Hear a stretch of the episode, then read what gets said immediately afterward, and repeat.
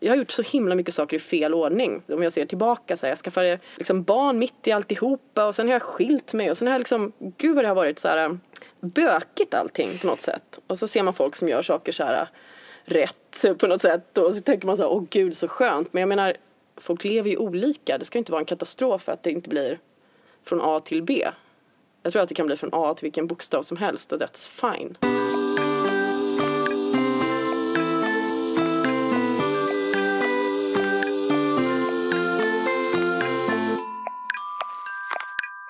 Flora! Hej Frida! Hej Guldfynd! Jag skulle ändå säga att vi är två ganska kreativa personer. Ja, jag kan i och för sig känna att jag så här inte är kreativ på det här super artsy sättet att jag typ är i en ateljé och spårar ur. Utan jag är ganska så här kontrollerat kreativ om du förstår vad jag menar. Ja. Alltså- Nej, Nej men, men tänk dig typ så här om, vi har ju en ateljé. Du spelar, nej, det är inte så att Ja, du står med men- färgburkar och bara slänger runt. jag tror att jag har lite komplex över att, att jag gärna vill vara liksom en konstnär. Fast jag tycker inte att jag är det. För att jag typ håller på med media och typ sociala medier. Jag kanske tycker att jag är det lite när jag typ är på mitt landställe och sitter och skriver. Men att jag kan avundas så mycket de som typ bara är helt lössläppta och typ jätteabstrakta i sin konst och typ så här. Kan du förstå den grejen? Eh, Okej.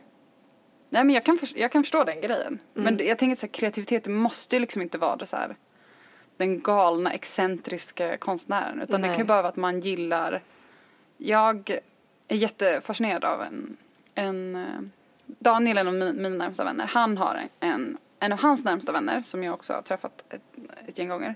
Han är molekylärbiolog. Wow. Alltså, jag blir knäsvag av att bara höra den titeln. Och han forskar ju.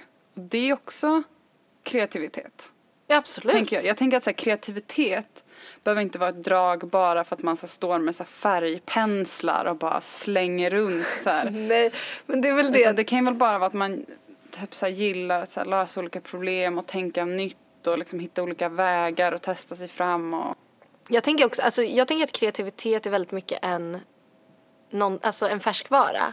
Och att det ena skapandet le, kan leda till det andra. Absolut. Visst är det så. Eh, och att det liksom inte är någonting man, det är någonting man kanske inte alltid har i sig. Alltså det är inte som att jag vaknar upp varje morgon superinspirerad. Utan det är någonting man måste liksom, det är som en träning. Att man måste upprätthålla det och vad ska man säga, ge det näring genom att göra olika saker kanske. Jag kan bli så himla irriterad på folk som tror att inspiration är någonting som bara kommer, som landar i ens knä och bara Eller alltså, om det är så för folk så är det underbart. Alltså det är ju, Men känner- oftast är det att det kommer ju någonstans ifrån ändå. Ja men det man är ju kanske- någonting man aktivt gör, kanske läser en bok eller ser en serie eller är på museum. Eller... Exakt, och så går det några dagar och så snappar man upp någon idé från det där man såg eller hörde eller whatever. Samlar du liksom inspiration på något vis? Mm, jättemycket. Eh, och då önskar jag att jag gjorde det på ett strukturerat sätt i så olika mappar och så, men det funkar inte riktigt så. Min främsta inspiration tror jag ligger som print screens på min eh, mobil. Har du samlat dem på något vis? Jag börjat försöka göra vissa sådana grejer men så fort man börjar organisera det så bara tappar jag det ändå. För det, man kan, jag kan liksom inte organisera min inspiration för då bara förstörs det typ. Ja. Men jag brukar säga när jag scrollar igenom Instagram eller går in på olika hemsidor eller man sitter på tunnelbanan och liksom håller på med mobilen eller sånt där. Då jag printscreenar väldigt mycket. Så nästan all min inspiration, eller Varför hamnar inte printscreens i en egen mapp? det gör det på min mobil nu i alla fall. Det var ju bra. Ja. Men det är ändå lite bökigt. Ja.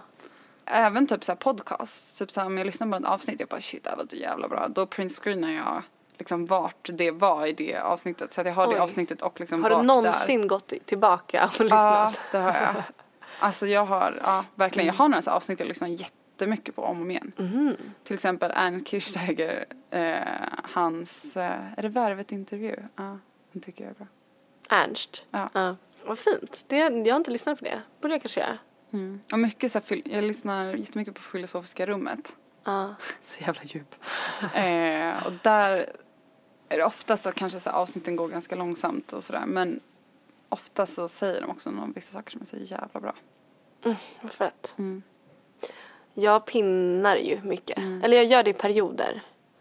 Eh, men det är väl också det, det som kan vara frustrerande med Pinterest är att det är typ lite samma samma som man alltid ser. Alltså Mm. det kommer inte så mycket, alltså till slut har man, har man eh, sparat ner ett falafelrecept liknande varann 17 gånger Mm. och sett ett kök med ett fikonträd i 17 gånger. Och, Ja, jag tycker att så här, jag försöker ändå vara aktiv på Pinterest för det är ett väldigt bra sätt att samla inspiration eftersom man får ju upp förslag och sånt i feeden. Men jag känner att Pinterest inte känner mig alls. Alltså jag pinnar bara bilder till exempel på Tom Hardy men ändå visar de upp så här jättefula så här, blonda killar som förslag. Jag vet, så här, hur kan de? hur kan de? Fula blonda Ja, killar? det är som ett exempel på hur dåligt Pinterest känner mig. Ja. Men alltså, eller så dyker det upp typ så här DIY, så pimpa, så här IKEA hacks, typ så här måla så här eh, byråknopparna med nagellacksfärg. Alltså vet. Ja, pallar jag hatar när de rekommenderar köttrecept till mig. Alltså Ja, jag, jag kan bli så förbannad. Ja. I det här avsnittet så fokar vi på typ eh, kreativa, prins, eh, kreativa prinsessor tänkte jag säga. Det är vi två. kreativa processer men framförallt kanske inte våra kreativa processer utan snarare våran gästs. Ja, precis. Det Eh. kommer in en helt otroligt fantastisk gäst. Om Ja, sjukt inspirerande. Hur som haver, jag är ändå lite sugen på eh, att höra vad du har gjort på sistone för jag vet att du är ute out and about väldigt mycket just nu. Jag är out and about. Dels är det ju, när vi spelar in där just nu så är det ju modveckan. Hur, vad tycker du om modeveckan? Eh, jag tycker det är kul att de håller på. Nej men alltså, alltså nu är inte jag en så fullfjädrad modeperson men det krävs ju inte att man är det för att förstå att eh, den, Stockholms modevecka är ju kanske inte jätteinternationell gångbar. gångbar liksom, utan många moden, eller många märken som är svenska i grunden har ju liksom fallit bort och visar ju inte här utan flyttar ju till större modeveckor. Flera av de märken som brukar ha spännande visningar visar inte ens i år. Det är ganska lite internationell press och så vidare. Jag Ah. tycker att det är härligt. Mm, nice. Kul att de håller på. Eh, du är- har jobbat lite där också. Mm, just nu så eh, springer jag runt, eller jag följer några modeller eh, backstage för att dokumentera liksom deras, deras sida av det som ska mynna ut i någon typ av liten fotodagbok som dyker upp på Bonn sen. Den kanske är uppe nu när det här eh, sänds. Jag vet inte. Kolla på min blogg. Eh, och det är skitkul. För det är väldigt alltså, coola tjejer liksom. Fett. Mm, Annars då? Nej men jag gör mycket olika saker. Dels nu har det varit modeveckan och sen så har jag jobbat hela helgen. Bland annat i söndag så var jag och plåtade en plansch till en teaterföreställning som ska komma upp på Stadsteatern. Fett. Mm, skitkul. De Kommer, de, liksom, kommer den vara över alla, alltså, vad heter det, väggar? Ä, Kulturtavlan och sånt. Ja. Jag tror inte att det här är inte en jättestor föreställning så, no offense, ni som gör den. Men, men den kommer absolut finnas uppe som affisch på Stadsteatern tror jag. Det är roligt för det är lite så bibliskt tema och det är två eh, killar som är huvudrollsinnehavare i den här teatern. Så att de vill ha en setting, att de är så bar överkropp, att de typ så lägger sig över varandra så dramatiskt. gillar det redan, fortsätt. Ja, ja. Så jag hängde med två nakna Dramaten-skådespelare i söndags. ehm, och först var de typ såhär, ah, jag vet inte om vi bara ska ta oss på överkroppen eller allt. Jag bara, det för mig spelar ingen roll. Du så zoomar in Ja, lite med kameran. verkligen, jag är så sleazy, kvinnlig Tara Richardson. Ja. Eh, I alla fall, och då för att så här, förstärka det här bibliska temat så var inne på att de ville ha med får. Som man vill. Ja men alltså när man slår upp bibeln, alltså det är ju får som springer ut överallt. Varför är det så? Men, jag vet inte. Eh, dåtidens trend husdjursaccessoar. Fåret. Orkar inte. Eh, nej men det var för att det är fåraherdar och sånt. I alla fall. Och då så skulle vi åka ut till en sån här gård utanför Stockholm där en sån här kvinna som heter Gunilla hade ett gäng får som vi skulle få låna liksom. Blev hon betalad för det här? Nej, hon var bara Hon bara överpeppad. yes! Ja. Ungefär som mammor som typ så här anmäler sina barn till hm katalogen Det var det, modeller. alltså, ja. eh, Gunilla är en stage mom över sina lamm ska man kunna säga. Hon var skitpeppad på att vi skulle komma. Så hon hade valt ut sina så här, tre favoritfår som vi fick så här, välja mellan. Eh, och då kastade vi ett, ett av de mindre fåren, ett, ett grått får.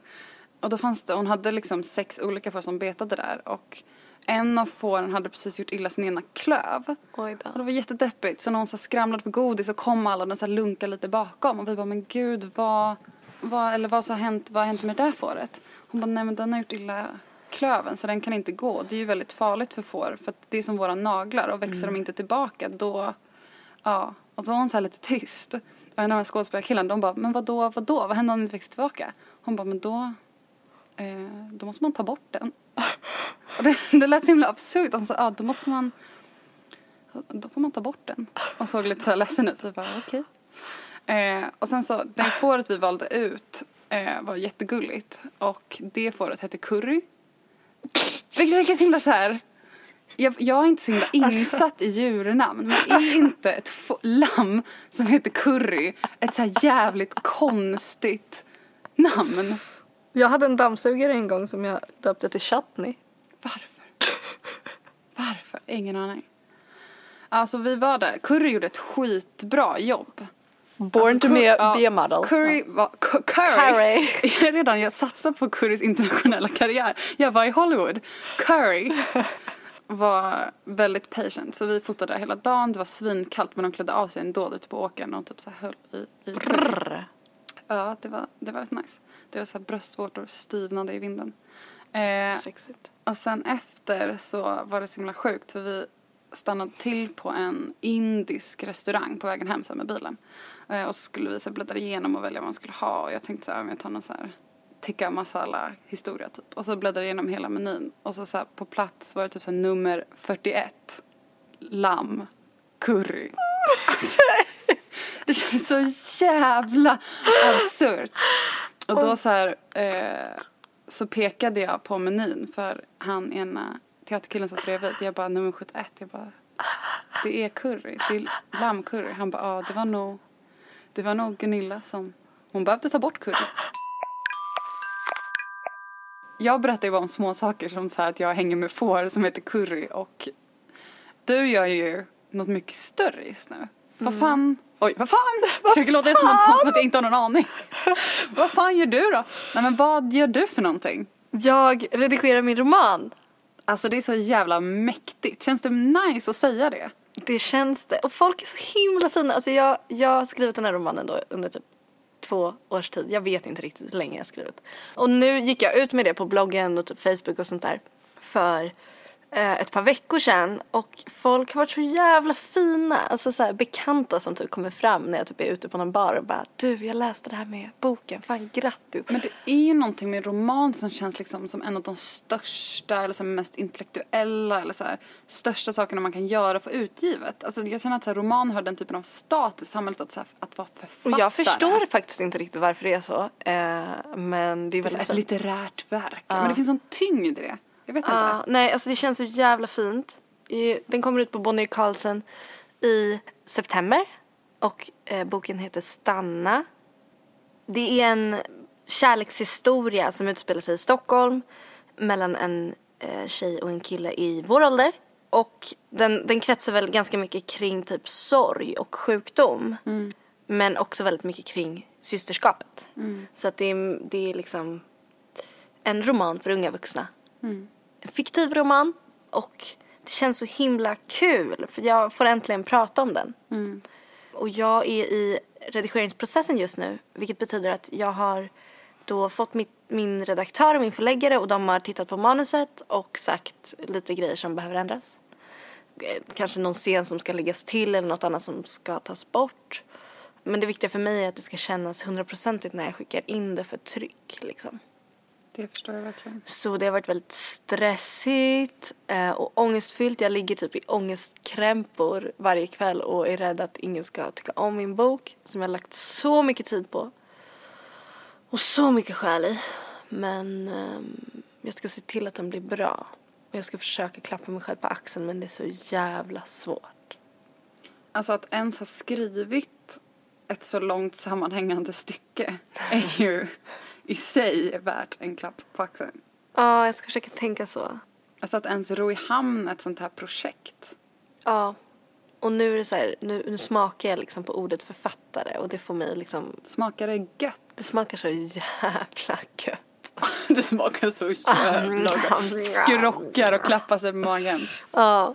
Fy fan vad Ja, fett. så- Alltså jag har skrytit så mycket om det här. Ja men fan jag bara, alltså du vet Vikavis Flora, att hon sa, ja, som jag delar kontor med. Ja men hon, alltså, hon har skrivit en bok. Alltså det var så tre olika förlag som verkligen ville ut den. Så hon fick så här, välja vilken hon helst ville. Det känns jävla fett. Ja, det känns sjukt fett. Nu har vi kommit till en punkt i programmet som är dagens största och viktigaste punkt. Och det är att vi har bjudit in konstnären Cecilia Ömalm till vår mysiga lilla studio i Örnsberg. Välkommen in Cecilia!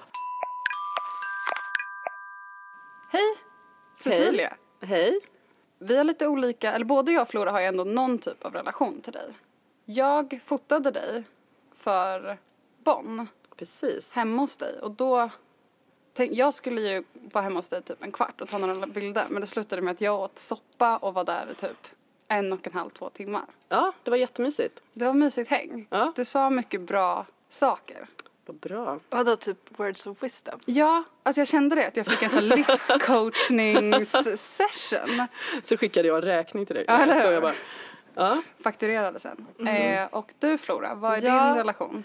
Du var ju min fotografilärare ett tag Ja, där på gymnasiet. för några år sedan. Ja, Ja. innan jag gick i trean på gymnasiet och pluggade fotografisk bild så eh, bossade du över mörkrummet precis. och analogt foto och det var ju askul. Och jag har också den uppfattningen av dig att du är liksom coolare än andra lärare. Åh, tack! Jag älskar era program. Älskar. Ehm, ja, vad kul. Ja, men det var roligt. Mm. Vi hade ju jättekul där. Nu jobbar jag ju inte kvar där längre. De tog ju bort det där analoga, tyvärr. Gjorde de det? Mm. Gud vad deppigt. för, alltså, finns det ens några skolor kvar som har analogt foto liksom? Eh, jag tror att det finns på Kulturama någonstans. Ja. Men det rykte. Jag försökte, jag var jättenära att de skulle, faktiskt skulle bygga ett eget mörkrum. På skolan. Ja. Men icke. Och då sa jag eh, adios. Ja. Men eh, du är ju konstnär. Mm. Vill du berätta lite om det? Oh, jag Berätta målar inte, börjar med att säga. Eftersom det alltid är första frågan. Ehm, ja, alltså jag, är utbildad, jag är utbildad fotograf från början. I bland annat New York. Och sen så blev det så att jag tröttnade lite på eh, att jobba fotografiskt. Så att jag halkade in på en massa andra metoder. Eh, så just nu är det ju snarare så att jag, jag utgår ifrån samma sak hela tiden. Och det är äldre arkitektur. Och nu låter ju det då jättetråkigt, men det är det inte. Ehm, och sen jobbar jag i de material som jag vill snarare, eller som jag hittar för att då gestalta nya verk. Och det har blivit allt från sten till betong till performance till ljusmaterial till stuckatur, gips. Så att jag, jag är liksom, olika typer av prints. Så jag är ju all over nu med det jag gör. Jättekul. Vad eh, jobbar du på nu? Oh, just nu. Jag har precis gjort två verk till i ett samarbete med en mattdesigner som heter Malin Glemme. Som har ett företag som heter Layered som gör jättesnygga mattor. Eh, och henne träffade jag via Absolut Art som jag var med i eh, som en av medverkande konstnärer förra året. Då sprang jag in i henne och hon utgår mycket från arkitektoniska bitar sådär när hon gör mattor och då gillade jag dem. Så nu har jag gjort två jättestora bilder där jag har byggt upp mina collage som nog är det jag är mest erkänd för och lagt in de här mattorna i mina fiktiva rum. Så de hänger på Karusell just nu, en restaurang, i en månad eh, och sen ska de in på deras showroom. Så det har jag gjort. Det tog lite tid. Och sen har, jag fått upp eh, grejer till en utställning i Sala nu i helgen, som öppnar i helgen, på Agelimuseet. Men det, det händer saker hela tiden så att nu, jag hinner knappt göra något och sen börjar jag med något nytt. Kul. Ja, det är roligt. Oftast. Så brukar jag också svara. När folk bara, ah, vad jobbar du med? Jag bara, ah, jag är fransfotograf, vad kul. Ibland. Ja, typ. Det är, Typ så. verkligen, det är verkligen svaret till sådana grejer. Men det är också så här äh, konstnärs, det låter, så, det låter ju så, antingen är man så lite föraktad eller så är man lite mytomspunnen. Om det blir något så här icke-neutral reaktion på det man gör. Så antingen är det så här, ah, vad ska det vara bra för? Eller så är det så här, oh, Oj, som oj, att man är någon sån här varelse nästan, ett litet väsen. Och man känner så här, men gud, det är ett jobb. Men kan du, det- identifierar du dig väl liksom med ordet konstnär? Det tog jättelång tid. Det var ju som att kalla sig själv för mamma när man fick barn. Det kändes ju också sådär. Fru när man gifte sig. Det var också, så- alltså jag är jättelångsam. Jo men nu accepterar jag ju det. Fotograf tog det skitlång tid också. Jag är jätte, jag är väldigt seg i huvudet. Jag vet inte, jag tycker det det kanske, jag kan tycka det känns fånigt. Jag, Jag har tryckt såna här äh, affärskort. Ni vet. Och så står det så här, mitt namn och står det konstnär. Och jag, jag börjar nästan alltid garva när jag räcker fram dem. För jag tänker så här. det, känns bara, det känns lite märkligt. Men det är väl att det, jag tycker att jag är jag liksom. Och jag gör det jag gör. Och det kan ju vara olika saker. Så det där med titlar känns lite så här, det kan bli lite lustigt för mig. Konstnär, då blir det lite så här skagenmålare eller jag vet inte. Eh, ja fast nu, nu har jag accepterat det, absolut. Du utbildade i New York? Eller var du var där på utbytesår? Eh, eller så, nej, har du nej, nej, din nej. utbildning? Jag gick, jag gick en, jag gick, jag pluggade på universitet och så eh, alltså akademiska studier och höll på att bli vägskickad till Nicaragua för att forska där. Och då mitt i alltihop, för jag var så här duktig på att plugga, då kände jag så här, fick jag panik för jag bara, men fan ska jag åka till Nicaragua för? Det vill jag inte göra. Det bara blev lite sådär. Så jag bara tvärbröt med det. Och då hade jag börjat intressera mig för foto och så kände jag så här, jag, vill, jag är kreativ, jag vill göra något annat. Ska jag liksom bli någon forskartyp här som ska sitta i något uland och forska liksom? Det var ju inte min plan, det var mer att jag var duktig där liksom. Så då eh, slutade det med att jag drog iväg till Nepal, lärde mig kameran i en bergsby. Det är så alla gör när man ska lära sig hur en kamera funkar. Men på riktigt, jag lärde mig min första kamera i en bergsby i foten av Himalaya. Hur hamnade du där? Ja, det är en lång historia, men det kan vi ta en annan gång. Men sen så sökte jag fotoskola efter det, kom in på Gotland, gick där ett år, sökte till New York till en utbildning som heter International Center of Photography och kom in där. Så helt plötsligt så bara pang gjorde jag ju det jag ville. Och då, då var det liksom ingen återvändo. Och all min universitets, all min litteratur därifrån blev dessutom förstörd i någon sån här mögelsituation när det hade läckt in i källaren. Så jag kände bara så här, det är meningen, jag ska inte göra det här. Så jag, eh, helt plötsligt så bodde jag i New York och höll på med foto. Hur var det? Eller hur, hur var din tid i New York? Eh, jag hade aldrig tråkigt. Jag ångrar ingenting. det var bra, det var bra, men jag bodde ju där under terrorattentatet. Jäklar. och jag var, jag var väldigt ganska ung när jag flyttade dit så att det var det var ju fantastiskt på många sätt men det var ju också eh, svårt att hantera liksom, tid och stress och, och jag var rätt utbränd när jag åkte därifrån. Och kände väl också att stannar jag här så kommer jag att tappa andra saker som jag behöver och vill ha omkring mig som natur och familj och liksom vettiga nära relationer och det hinner man inte med där. Och det är rätt viktigt för mig så jag var så här, äh, nej. Var lite samma där, då bestämde jag mig och sen så gick det väldigt fort. Så är det alltid när jag gör grejer. Så jag eh, drog hem till Sverige via Barcelona för att Sverige kändes ju skittråkigt just då. Jag sköt på problemet i ett halvår och läste spanska i Barcelona och gick på gym och typ eh, mådde bra. Vad härligt. ja, det var grymt. Och lärde mig spanska vilket jag sen hade användning för när jag gjorde konst med en colombiansk stuckatör. Så man har alltid nytta av språk. Ehm, och sen så kom jag då till Stockholm och där tänkte jag verkligen inte stanna särskilt länge. Jag kände så här, åh gud vad tråkigt. Jag jobbar lite och sen drar jag. Men då träffade jag en kille utanför Berns mitt i natten som sen kom att bli min man och pappan till mina barn. Så eh, jag har ju varit i Stockholm sedan dess. Okej. Ehm, och då höll jag egentligen på med fotografi och det gör jag fortfarande i omgångar. Men det, det började bli liksom också någonting som jag tröttnade lite på. Och det är lite som relationer så att det man oftast då blir kär i någon det är ofta det man stör sig på. Det var samma med foto så att det går snabbt och jag gillade det. Och sen störde jag mig på att det gick så snabbt och ville ha någonting som jag något, något annat som jag kunde pilla lite mer med och då utvecklade jag den här digitala tekniken där jag sätter ihop en slags collageform som blir som blir bilder som ser ut som eh, någon blandning av dataspelsmiljöer och gamla grafiska blad liksom. Svartvita. Och sen var det igång och sen har det liksom bara blivit att jag har eh, jag är nyfiken och jag har fått upp, uppdrag där jag ska gestalta saker och då har jag utvecklat även min mat- materialkunskap så nu jobbar jag ju skulpturalt, ljus, rörlig bild, Men jag kommer ihåg när, när, vi, när jag pluggade med dig då, eller när du var min lärare och eh, vi gick och tittade på din skulptur på Rish. Ja du just hade precis Mm. satt upp, eller det kanske du inte hade, men du Ja, visade det var- den för oss i alla fall. Det var 2009. Ja, ja, det var lite tidigare. Ehm, men eh, jag minns att det var som en, någon slags bläckfisk, bläckfiskstuckatur typ. Ja, eller? det är en... Det den permanent? Är Ja, det är en slags, ja, den är permanent. Det är en slags sjöstjärna Ja, som jag det. hittade, som jag som är baserad på, eller inspirerad snarare av, så den är översatt av en stuckatör som jag anlitade. Från en bok som jag hämtade. Ja, precis. Gabriele Alltså, det, det, börjar med, det börjar ju alltid någonstans och så blir det något annat liksom, och så kan det verka som att hoppet är väldigt långt men det, är- det är ofta ganska linjärt kan jag känna i efterhand. Man gör någonting, man inspireras av något och så leder det till någonting eller till någon. Och så fortsätter man att jobba och det är ganska dynamiskt att jobba så. Eh, och så tror jag många kreatörer gör.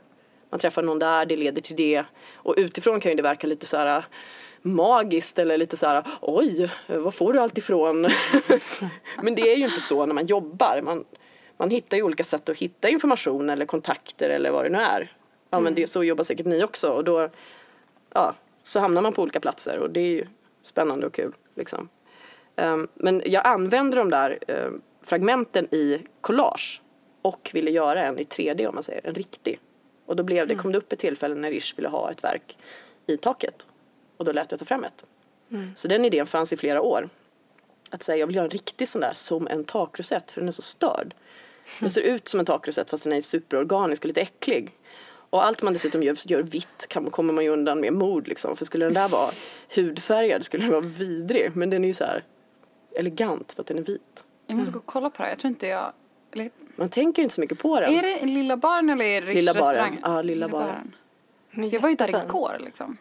Men den, alltså, den flörtar ju med den existerande ehm, de här relieferna som är längs Ja. väggarna som de tror att Carl Milles har gjort som examensarbete. Tror att han har gjort eller vill De inte, att det ska nej, vara han. Ja, de är inte helt säkra men, men de gjordes ju hundra år tidigare. Mm. Eh, och det är lite så jag jobbar, jag plockar ju någonting som är gammalt och så sätter jag, gör jag om det och så sätter jag in det i ett nytt sammanhang. Och så ska det ändå kännas som att det passar där på något sätt. Och där passar det ju så bra så att man kanske inte märker det då. Mm, passar superbra. Um, så då har titeln och mitt namn och lite annat stått infräst i golvet i marmorn men det har nötts bort av alla höga klackar. Så det ska vi göra om i trappan tror jag. Mm, det tycker jag. Mm. Då tar vi dit en gravstensblästrare, han är mycket mystisk. En stor finsk man. um, ja. Det här avsnittet sponsras av Guldfynd.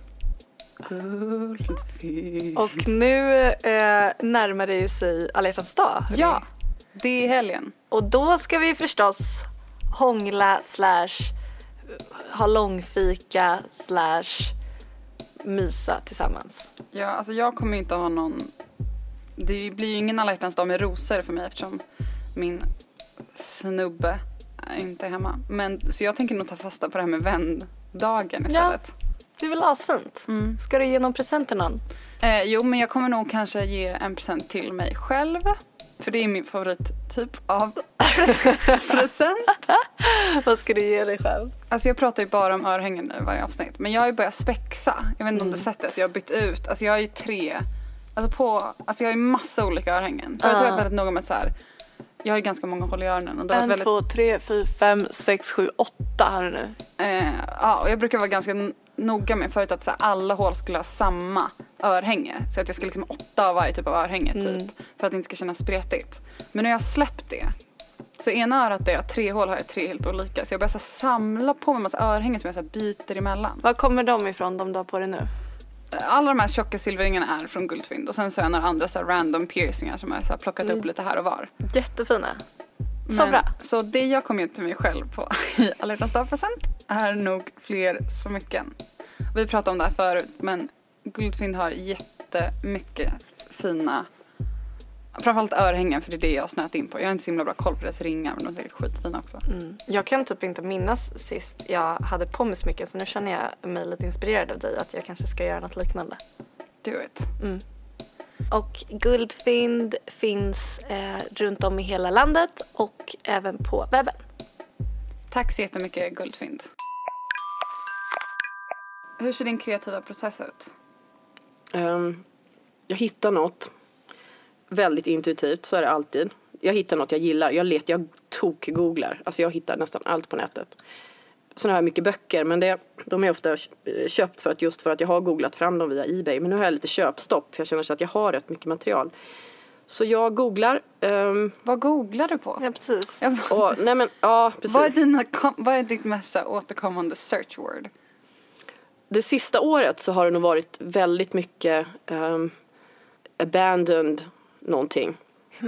Övergivna ställen. För att då hittar man så himla coola grejer. Då hittar man ju allt från nedlagd och det finns ju såna här Urban Explorers som fotar. Det finns jättemånga sajter nu. de tycker jag mer är, de är väldigt spännande. Det är inte nödvändigtvis så att jag använder mig av det, men, men jag blir väldigt inspirerad. Jag har en eh, liten fäbless för nedlagda mentalsjukhus. Mm. Sådana här gamla engelska och amerikanska mentalsjukhus, de är så vackra. Och de är också väldigt sorgliga och de byggdes ju för att man det fanns alltså teorier omkring att, att arkitekturen hade en slags helande inverkan på människor. Och då byggde man de här vackra ställena och sen proppade man in tio gånger så mycket folk som skulle vara där och så blev det ju pannkaka och så stängde man dem. Mer eller mindre. Ehm, det finns ju inga mentalsjukhus kvar i Sverige idag heller. Ehm, de lades ner. Jag vet inte, jag gillar, jag gillar ju mycket heliga platser. Jag söker mycket på katedraler. Um, sacred architecture uh, söker jag på. Och sen slutar det alltid med att man hittar någonting och då hittar man något annat. Men jag, jag intresserar mig för platser som på något sätt är laddade. Mm. Och då är ju ofta de här platserna som har haft någon slags vansinne eller religiositet är ju också superspännande. För att de är ju de är så mäktiga i sig. Och de är också byggda för att liksom, man kanske ska känna sig på ett visst sätt. Liten eller omsluten eller eh, liksom hänförd eller... Och det påverkas man ju av. Övergivna slott tycker jag också är jättespännande. Det finns massor i Frankrike. Otroligt vackra. Sen hittar man ju nytt hela tiden. Jag är ju helt besatt av fornegyptisk arkitektur och det låter ju supermossigt men det är verkligen extremt spännande. Det finns så mycket som helst. De hittar nya grejer hela tiden. Städer under vatten och det är pyramider som. Ja, som man hittar rum under och det är ja, alltså det, det kommer upp nytt, nytt, nytt hela mm. tiden. Det finns pyramider över hela världen. Men det brukar, jag jobbar rätt snabbt när jag kör igång. Jag gör så mycket förarbete hela tiden så det är som att jag har halvfärdiga saker överallt och då är det bara att trycka in lite mer i dem och sen är de klara. Så att, och då kan det ju ha gått några år i och för sig. Men, men så det är inte så att det, att det går snabbt men eh, det tar aldrig slut. Det gör det inte. När vet man att ett verk är klart? Ja, jo det där är ju svårt. Men det, ja, det där är ju det är lite som att dreja. Drejer du för mycket så kollapsar ju allt. Mm. Man får ju sluta i tid. Mm. Ibland. Jag tycker att det kan vara jättesvårt att veta så här, ska jag lägga mer tid på det här nu eller ska jag gå vidare till något annat? Eller, jag tycker verkligen att det är svårt att veta. Det är ju jättesvårt. Så kan man ju ha blivit lite så förälskad i sitt, sin skapelse också så man känner lite så här, åh det är så här härligt att sitta här och hålla på med det här nu så att jag vill inte att det ska ta slut mm. riktigt heller. Att det kan vara, man kan ha lite separationsångest. Medan andra verk är så här, tack och hej. Vi ses. Talk to you never kan man känna ibland. Men det är väl det som är det fina med liksom skapandet när man håller på med något så länge att att man har sin stressiga vardag, i ditt fall kanske barnhämtning och liksom laga mat till kidsen och göra sådana saker. Men att man sen får vara i den här världen och som du säger att det kan bli väldigt bekvämt att bara stanna där. Det är väldigt lyxigt att ha en, liksom, en extra värld när man håller på med något, eh, någon typ av skapande. Att man har det där, man har den där tillflykten. Alla har ju inte det. Jag tänkte så här, undrar hur vissa människor klarar sig utan det för att det är så otroligt eh, befriande att kunna kliva in i det. Mm. Och, liksom få, och få vara i fred, för där får man faktiskt vara i fred. I många andra världar får man ju inte det. Där är det ju andra aktörer med. Men, men i den typen av process, där är man ju själv. Det kan ju också vara väldigt ensamt. Mm. Och ångestladdat på det, av den anledningen. Men äh, jag tycker det är fantastiskt. Har, har, du alltid haft ett behov av att ha den tiden för dig själv för att skapa? Ja, det har jag nog. Det har jag nog. Sen blir ju det naggat på när man får barn. Eh, det svåra med att, att, eh, att arbeta kreativt och få barn är att man blir avbruten hela tiden. De har ingen respekt för din värld. De har ingen respekt för min konst, mina barn. De tycker att det coolaste jag har gjort är så här reklamtryck på glas. Eh, jag har gjort så här ett torg, jättegrejer. De bara mm, så här. Men glasen, de är skitcoola mamma. Uh, nej men det, alltså det är ju bra att kunna, jag tycker det är, det är bra när man lär sig att så här, kliva in och kliva ut ur det. Mm. Det blir ju någon slags professionalitet i det. Att man liksom, nu gör jag det här och nu gör jag inte det här. Att man separerar sig själv från det man gör. Mm. Men det tar ju tid. Ja, det, det svåra är ju när man ska jobba kreativt att man då har den här tiden. Okej, nu har jag fem timmar på mig mm. att skapa någonting. Och, och det liksom. funkar ju för vissa. Det funkar ju inte för alla. Och en del har ju startsträckor från helvetet och andra är, jag känner ju konstnärer som är så här 9 till 5. Mm. De går till sina ateljéer, de målar eller vad de gör och sen går de hem. Hur ser det ut för dig? Nej men så ser det inte ut för mig. det är liksom allt från till kan gå långa perioder där jag bara liksom letar material eller stressar över mitt liv i allmänhet. Tills att jag liksom eh, jobbar oavbrutet och typ sover på soffan för jag orkar inte gå till sängen fem meter bort. Men du har väl, eller när jag hälsade på hemma hos dig, då hade du liksom din ateljé hemma. Ja, Har du jag. fortfarande? Ja, det har jag. Nu håller jag på att Ja. leta lokaler för jag, jag har ruttnat på det lite grann. Men eh, det är så olika det ser ut för mig för jag kan verkligen sitta egentligen var som helst och jobba. Om jag är igång. Men jag har en startsträcka och den måste man liksom forcera på något sätt. Ja, men åtminstone om du, alltså jag tänker rent material, materialmässigt så kan du väl inte sitta var som helst om du jobbar med en skulptur liksom? Ja, fast då görs det ju på en annan plats. Ah, okej. Eller om jag jobbar med ljusverk så är det ju platsbefintligt och då drar jag ju någonstans. Då gör jag ritningarna hemma. Liksom. Och sen packar jag, packar jag ihop grejerna och så monterar jag det någon annanstans. Så att jo, men ganska mycket, det mesta gör jag ju hemma. Eller det mesta gör jag faktiskt med, alltså antingen tecknar jag upp det eller så gör jag det digitalt. Det här med startsträcka, om man har liksom något projekt eller någonting man vill göra, har du några knep för att komma igång och låta den där startsträckan, alltså att liksom att komma igång med projektet? Jag tror att om, om man har problem att komma igång så tror jag det är bättre att man gör någonting än ingenting alls. För gör man ingenting eller något helt annat, typ börjar kolla på tv-serier eller någonting för att liksom bara förflyta tiden, då bygger man upp stressen ännu mer. Till slut kräks man nästan av den. Så att då får man bara börja, man får bara börja någonstans. Även om det är en liten grej. Ja, liksom. jag tror det. Bara göra någonting och liksom vad man än gör i det läget är plus. Det tror jag är bra. Har du lärt dig något särskilt genom åren som varit ovärderligt för ditt konstnärskap?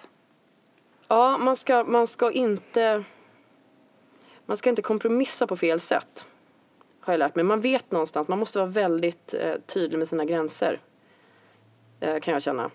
Det är lätt att bli indragen i grejer och, och smickrad och kan inte du göra det här och det här och det här och då kan man halka dit på att, man, att det är härligt med bekräftelse och liksom man ska, vara, man ska vara väldigt sann med sig själv. Jag tror att det är skitviktigt. Man vet ju någonstans vad som känns bra. Gör man någonting som känns som någon slags halv eh, mesyr. Jag har ju känt själv när jag gjort skissuppdrag så här, som inte vann. Att, att det var tur att jag inte gjorde det för det här kändes inte, det här var inte, det här var inte bra. Jag tror, jag tror jättemycket på magkänsla men det tror jag med i alla situationer. Men det kan ju vara svårt om man är i en situation där man behöver pengar till exempel. Ja, det är ju jättesvårt. Och det är ju det ständiga dilemmat. Och då kan det vara bra att separera på det helt och ta ett annat jobb ett tag. Så att man slipper förknippa det man gör med ekonomisk vinst. För det där, är, det där är inte lätt. Det kan också vara jätteblockerande att det går superbra en period. Att man tänker sig, åh nej. Man känner sig nästan lite lurad själv. Jättebra om man gör konst som man, eh, stå, som man kan stå för och man tjänar pengar på den. Men det, det sitter inte alltid ihop liksom. Och då får man väl bestämma, då får man väl fundera på hur, hur mycket man eh, är redo att ge upp för det. Och då kan det vara bra att ha, många jag känner jobbar ju med andra jobb vid sidan av. För att kunna frigöra pengar, för att kunna jobba mer oberoende. Jag, har stipendier just, jag har ett stipendium just nu från Konstnärsnämnden och det hjälper ju. Men eh, att sätta ihop en kreativ process som är obes, under obestämd tid med att dra in pengar. Det kan ju vara rena självmordet. Det är jättesvårt. Jag tycker det är fint att du tar upp det som någonting positivt. För jag tror många som ser att om man håller på med konst eller något kreativt yrke och att man har ett sidojobb som att jobba på café eller butiken eller någonting så tror jag att många kanske ser det lite som ett, ett misslyckande i att man inte kan försörja sig på det man gör. Men det är verkligen sant att det verkligen kan vara någonting väldigt positivt för att slippa kon- alltså kompromissa så himla mycket med sin konst liksom. Alltså det är väldigt få som bara gör sin konst. Har jag insett själv. För att jag har ju perioder då jag lever på så fruktansvärt lite. Det är så väldigt ojämnt med pengar. Um, tittar man på de flesta konstnärer. Och, och det här är lite typiskt Sverige också. För att i, bor du i en annan stad, New York till exempel, och jobbar med någonting. I en bar eller någonting som man, som man ofta gör när man bor där. Så frågar folk what do you do? Och då utgår de ifrån att man har något annat som man vill göra. Men i Stockholm när jag kom tillbaka, det var faktiskt, det, det ska jag verkligen ta upp nu känner jag. För att det är väldigt lätt att tro i Stockholm att alla lever på sin grej. Liksom. Och nu är det konst då vi pratar om. För att det är så jävla ängsligt här och folk vill inte prata om det här andra de gör. Utan det finns någon slags liksom, det pratar man inte så mycket om så att folk går omkring och tror att alla är mycket mer lyckade än vad de är. Och det är ju extremt hämmande liksom. Och då känner man sig också lätt misslyckad. Alltså folk har ju alla möjliga jobb vid sidan om. Och jag menar, har du en, en tjänst där du undervisar till exempel så är det ju faktiskt inte fri konst. Då jobbar du ju som lärare. Även om det är på en konstskola. Eller hur? Jag menar, det är inte samma sak. Och de, många har ju liksom deltidstjänster. Det går ju inte annars. Men när du jobbade då på min skola, sa du till folk då jag är konstnär och nu jobbar jag på den här skolan? Eller sa du bara Att du var konstnär? Att jag mörkade? Ja, precis. Nej, jag sa att jag undervisade. Ja. Ehm, och jag har väl alltid haft den tanken att om jag jobbar med någonting vid sidan av som, som intresserar mig eller ger mig någonting så har inte jag några problem med om det inte är konst. Däremot så, så eftersom jag är så intressestyrd själv så skulle jag nog må väldigt dåligt över om jag var tvungen att göra någonting som jag verkligen inte kunde hitta någon, något guldkorn i alls. Liksom. Nu tycker jag det är kul att undervisa. Jag tycker det ger mig mycket. Det var ju väldigt kul på Viktor Rydberg. Det var ju så inspirerande. Ni var ju så roliga allihop. Men ehm, jag vet inte. En av de jobbiga frågorna man får som konstnär är ju kan man leva på det? Och det är så här sjukt tråkigt att prata om. För det kan man ju inte alltid. Det kan ju ingen. Ehm, och sen i omgångar så har man riktigt bra med pengar. Så att det är ju kan man leva på det? Jag vet inte. Jag brukar inte fråga folk om de kan leva på sitt lärarjobb eller sitt eh, konsultjobb. sitt. Men eh, jag tror att för de flesta så är det ju många olika inkomstkällor. Jag tror ju också att det är en fördel att inte lägga alla äpplen i en korg. För då blir du väldigt sårbar. Konstmarknaden är trendkänslig. Eh, som när det var vad heter det, finanskris till exempel så var det ju, det var ju katastrof. En som jag till exempel, jag hade jättemånga försäljningar på gång som jag hade räknat med att få in. Och så bara ströps allting. Det var väl 2008 nu tror jag. Mm. då jobbade jag på gruppboende i ett år. För jag kände bara så här, jag måste dra in pengar. Jag har två barn. Jag har uppenbarligen får jag ju, för det stod stilla. Konstvärlden stod helt still. Och då var det bara att göra något annat. Och jag tror inte liksom att det, jag tror att det kan vara lite bra också att få distans från det här liksom konstnärskapet med att man får ju lite en annan, man får ju ovärderlig kunskap om, om samhället och människor och massa annat när man gör något annat. Det blir ju lätt lite sådär Navelskådande. Ja, det är väl lite farligt att inte kunna se sina konturer utifrån tror jag. Jag tror att det är väldigt bra att, att eh, lära känna sig själv lite från andra vinklar. Får jag fråga hur gammal du är? Jag fyller 42 i år. För det är helt sjukt. Det är faktiskt Det är helt sjukt. För jag... Att jag är så gammal. Nej, inte att du är så gammal men du känns så himla mycket yngre. Ja, just Nu är ju inte 42 någon ålder heller. Men Fast om det jag tyckte jag, om jag hade varit i er ålder och någon hade sagt jag är 42, då hade jag bara åh shit vad gammalt. Ehm, För jag visade, efter jag hade fotat dig så visade jag faktiskt en bild på dig för en kille. Jag bara kolla på den här personen. Hur gammal tror du att hon är? Hur gammal tror du att hon är? Och han gissade på typ, så jag kommer inte ihåg, men han gissade på typ så här. Jag tror att typ 25 eller någonting, 26. ja fast, fast det, det, så är det ju inte. Men du, du är ju fräsch. Jag ska säga utan att det blir konstigt. Jag kan ju citera min, min vän Roland Hjort som sa vi satt och pratade om stress i kreativa yrken och, och vi bara satt och garvade för att det var så, båda var så sjukt stressade just då. Och då sa han så här, ja men alltså om min stress hade så här manifesterats fysiskt i min kropp då hade jag sett ut som Bockstensmannen. Och det kan jag fortfarande garva åt, så här, för så kan man känna sig. Man kan känna sig så jävla sliten. Och så säger någon så här, ah gud vad fräsch du ser ut. Och man känner så här, men gud märks det inte liksom? Men eh, Ja, nej, men det var ju skönt att höra. För jag kan ju också känna mig som Bockstensmannen, som Roland, ibland.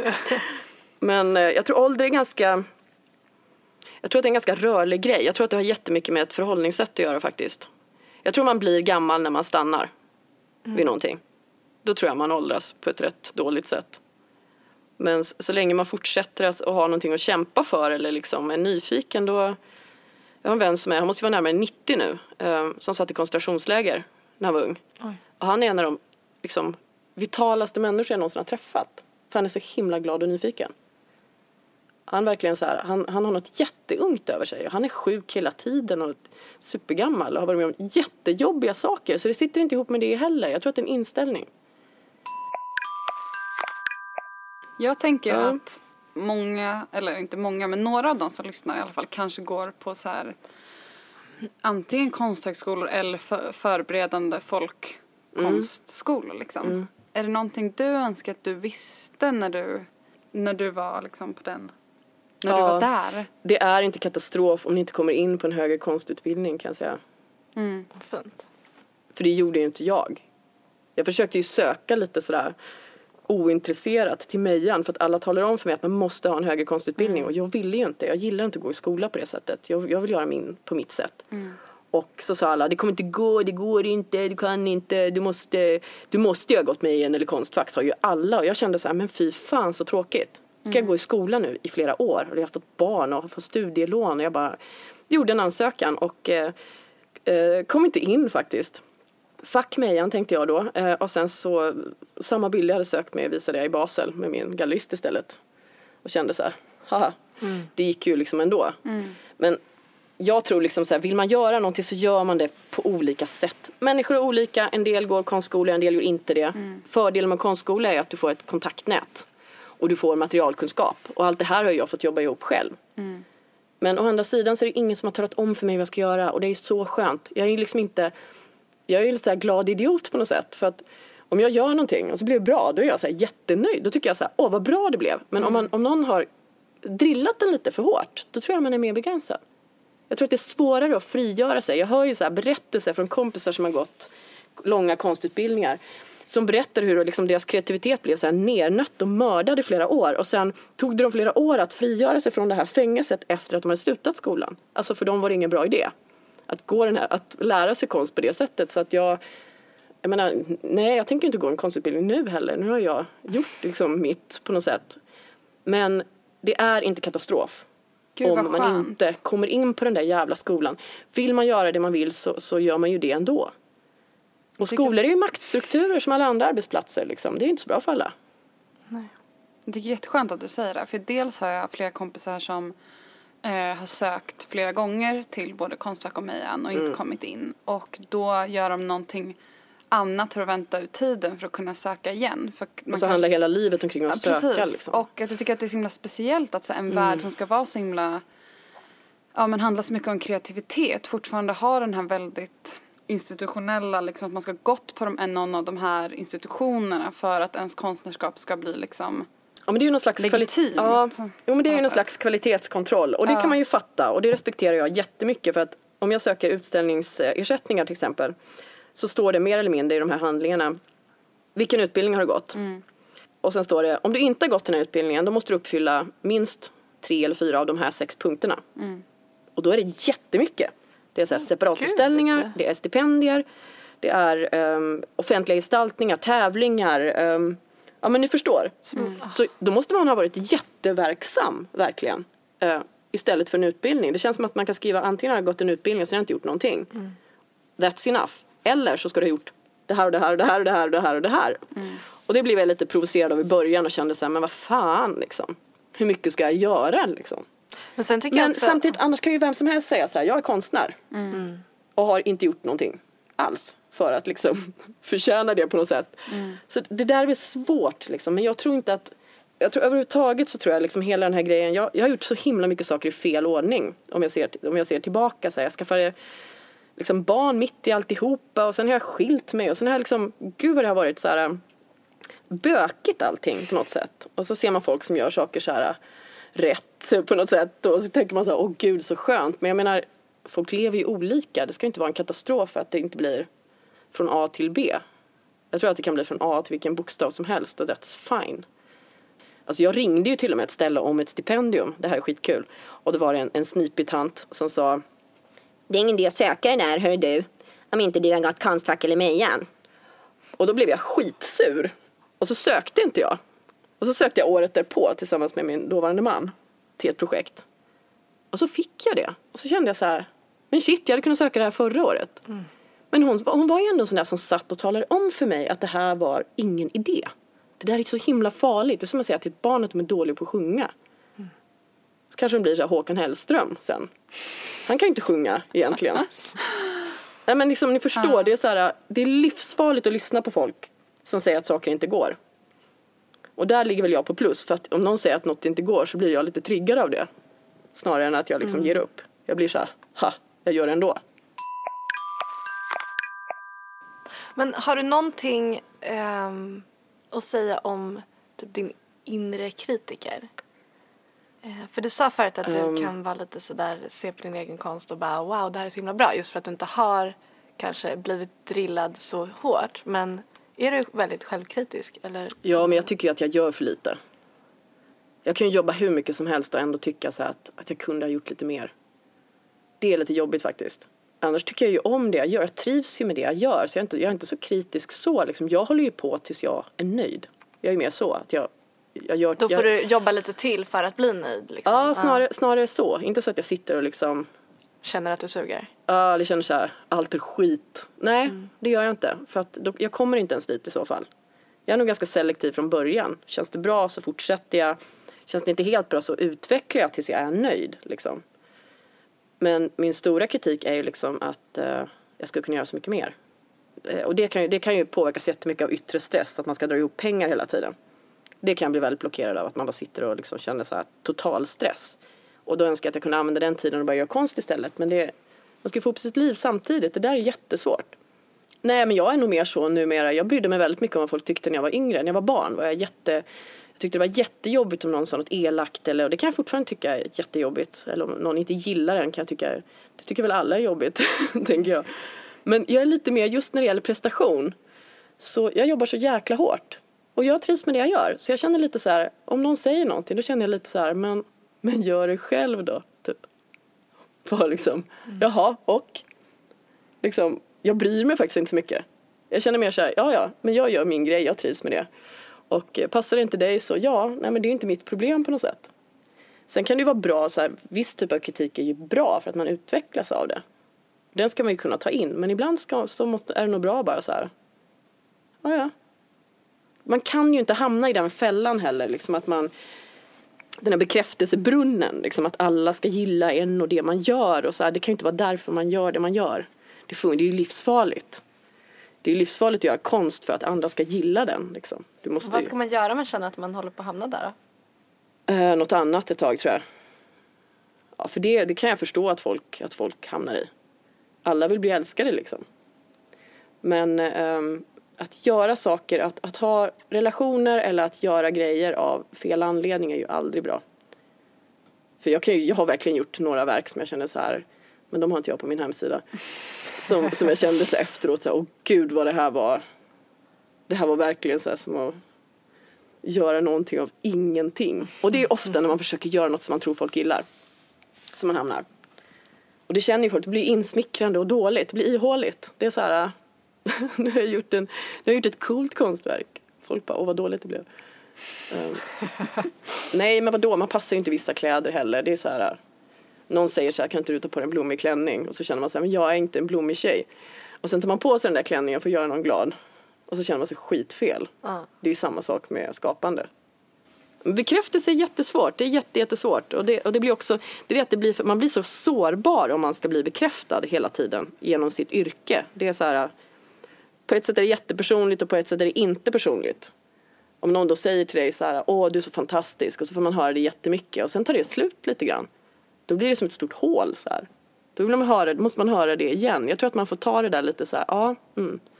det här är jag, det här är det jag gör. Det sitter ihop men det är inte liksom, det går att dela på. Jag försöker att inte vara ängslig.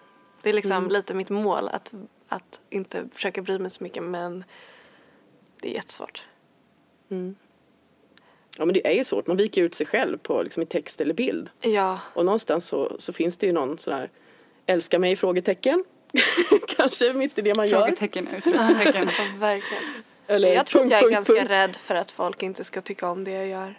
Eller att, vara- att jag ska vara fel liksom. Men ehm, jag märker ju precis som du säger att så fort jag försöker att istället för att tänka vad andra kommer gilla, göra det jag själv gillar, att det är då det lyfter liksom. Ja men det är då det blir bra. Ah, att man inte bara blir- det åter riktigt, liksom men- reproducerar någonting som man har sett som man tyckte var fint utan att man försöker skapa något nytt. Eller skapa någonting som, eh, som känns liksom för sig själv. Alltså jag tänker om man, om man är väldigt hängiven i det man gör oavsett vad det är och det kan vara konst eller mat eller musik eller, eller vad som så, så tänker jag så bli, det blir bra. Det kanske inte blir översatt med liksom en jättebra ekonomi då för alla. Ehm, men jag tänker så här att om man, det spelar, egentligen, det spelar egentligen ingen roll. Någonstans måste man ju känna att man trivs med det man gör. För att annars så spelar det liksom ändå ingen roll om du får pengar för det. Om du känner att du inte har varit sann och så, så säljer det som fan. Och så får du alla de här pengarna, då är du inte nöjd ändå. Alltså den inre tillfredsställelsen sitter ju i att man känner att man själv utvecklas. Och att man är stolt över det man gör. Och det, det, det kommer inifrån, det kommer inte utifrån. Om eh, våra lyssnare vill se mer av det du gör, vad hittar de dig då? Jag tycker det bästa är att de kollar på Instagram för att jag har inte uppdaterat min hemsida på länge. Och där lägger jag faktiskt ut saker fortlöpande. Och där heter du? Cecilia Öhmalm. Men jag har en hemsida och det är www.ceciliaomalm.com och där finns min kontaktinformation. Ifall någon vill få tag i mig på något sätt. Det går ju också. Tack så jättemycket för Tack. att du var här. Tack som bara den. Tack så mycket för att ni har lyssnat. Jag hoppas att ni gillar att vi har gjort ett lite nytt upplägg på den här säsongen. Jag tycker att det var så viktigt att hon tog upp just eh, det här med att, att en skola inte är allt. Till exempel. Och jag hoppas att ni känner att, att ni fick ut någonting bra av det här eh, segmentet. För jag känner det. Verkligen. Snälla använd vår... Snälla rara. Snälla gör det bara! Ja, använd vår hashtag Florafrida för att visa vad ni gör när ni lyssnar eller om ni har ris eller ros som ni vill dela med er av. Eller om ni har någon tanke kring eh, Kreativitet och konstnärskap. Så mejla till oss om du har en berättelse eller en anekdot så tar vi eventuellt upp någon eller några om vi tycker att ni har något bra att säga. Var det no, hårt, no eller? pressure. Om ni har något bra att säga kanske vi tar upp det. ja. Ehm, ha en jättefin eh, helg och krama mycket på varann och eh, ät eh, semlor eller vad fan man gör så här års. En del av att vara kreativ är ju kanske att leka med sitt utseende och sådär på olika sätt, vilket vi båda tycker är kul. Då kan man köpa grejer på Guldfynd. Tack Guldfynd. Tack Guldfynd! Hejdå! Hejdå! Ett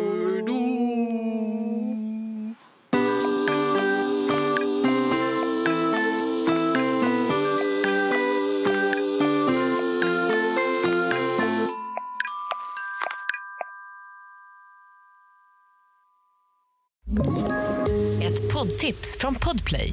I fallen jag aldrig glömmer djupdyker Hasse Aro i arbetet bakom några av Sveriges mest uppseendeväckande brottsutredningar.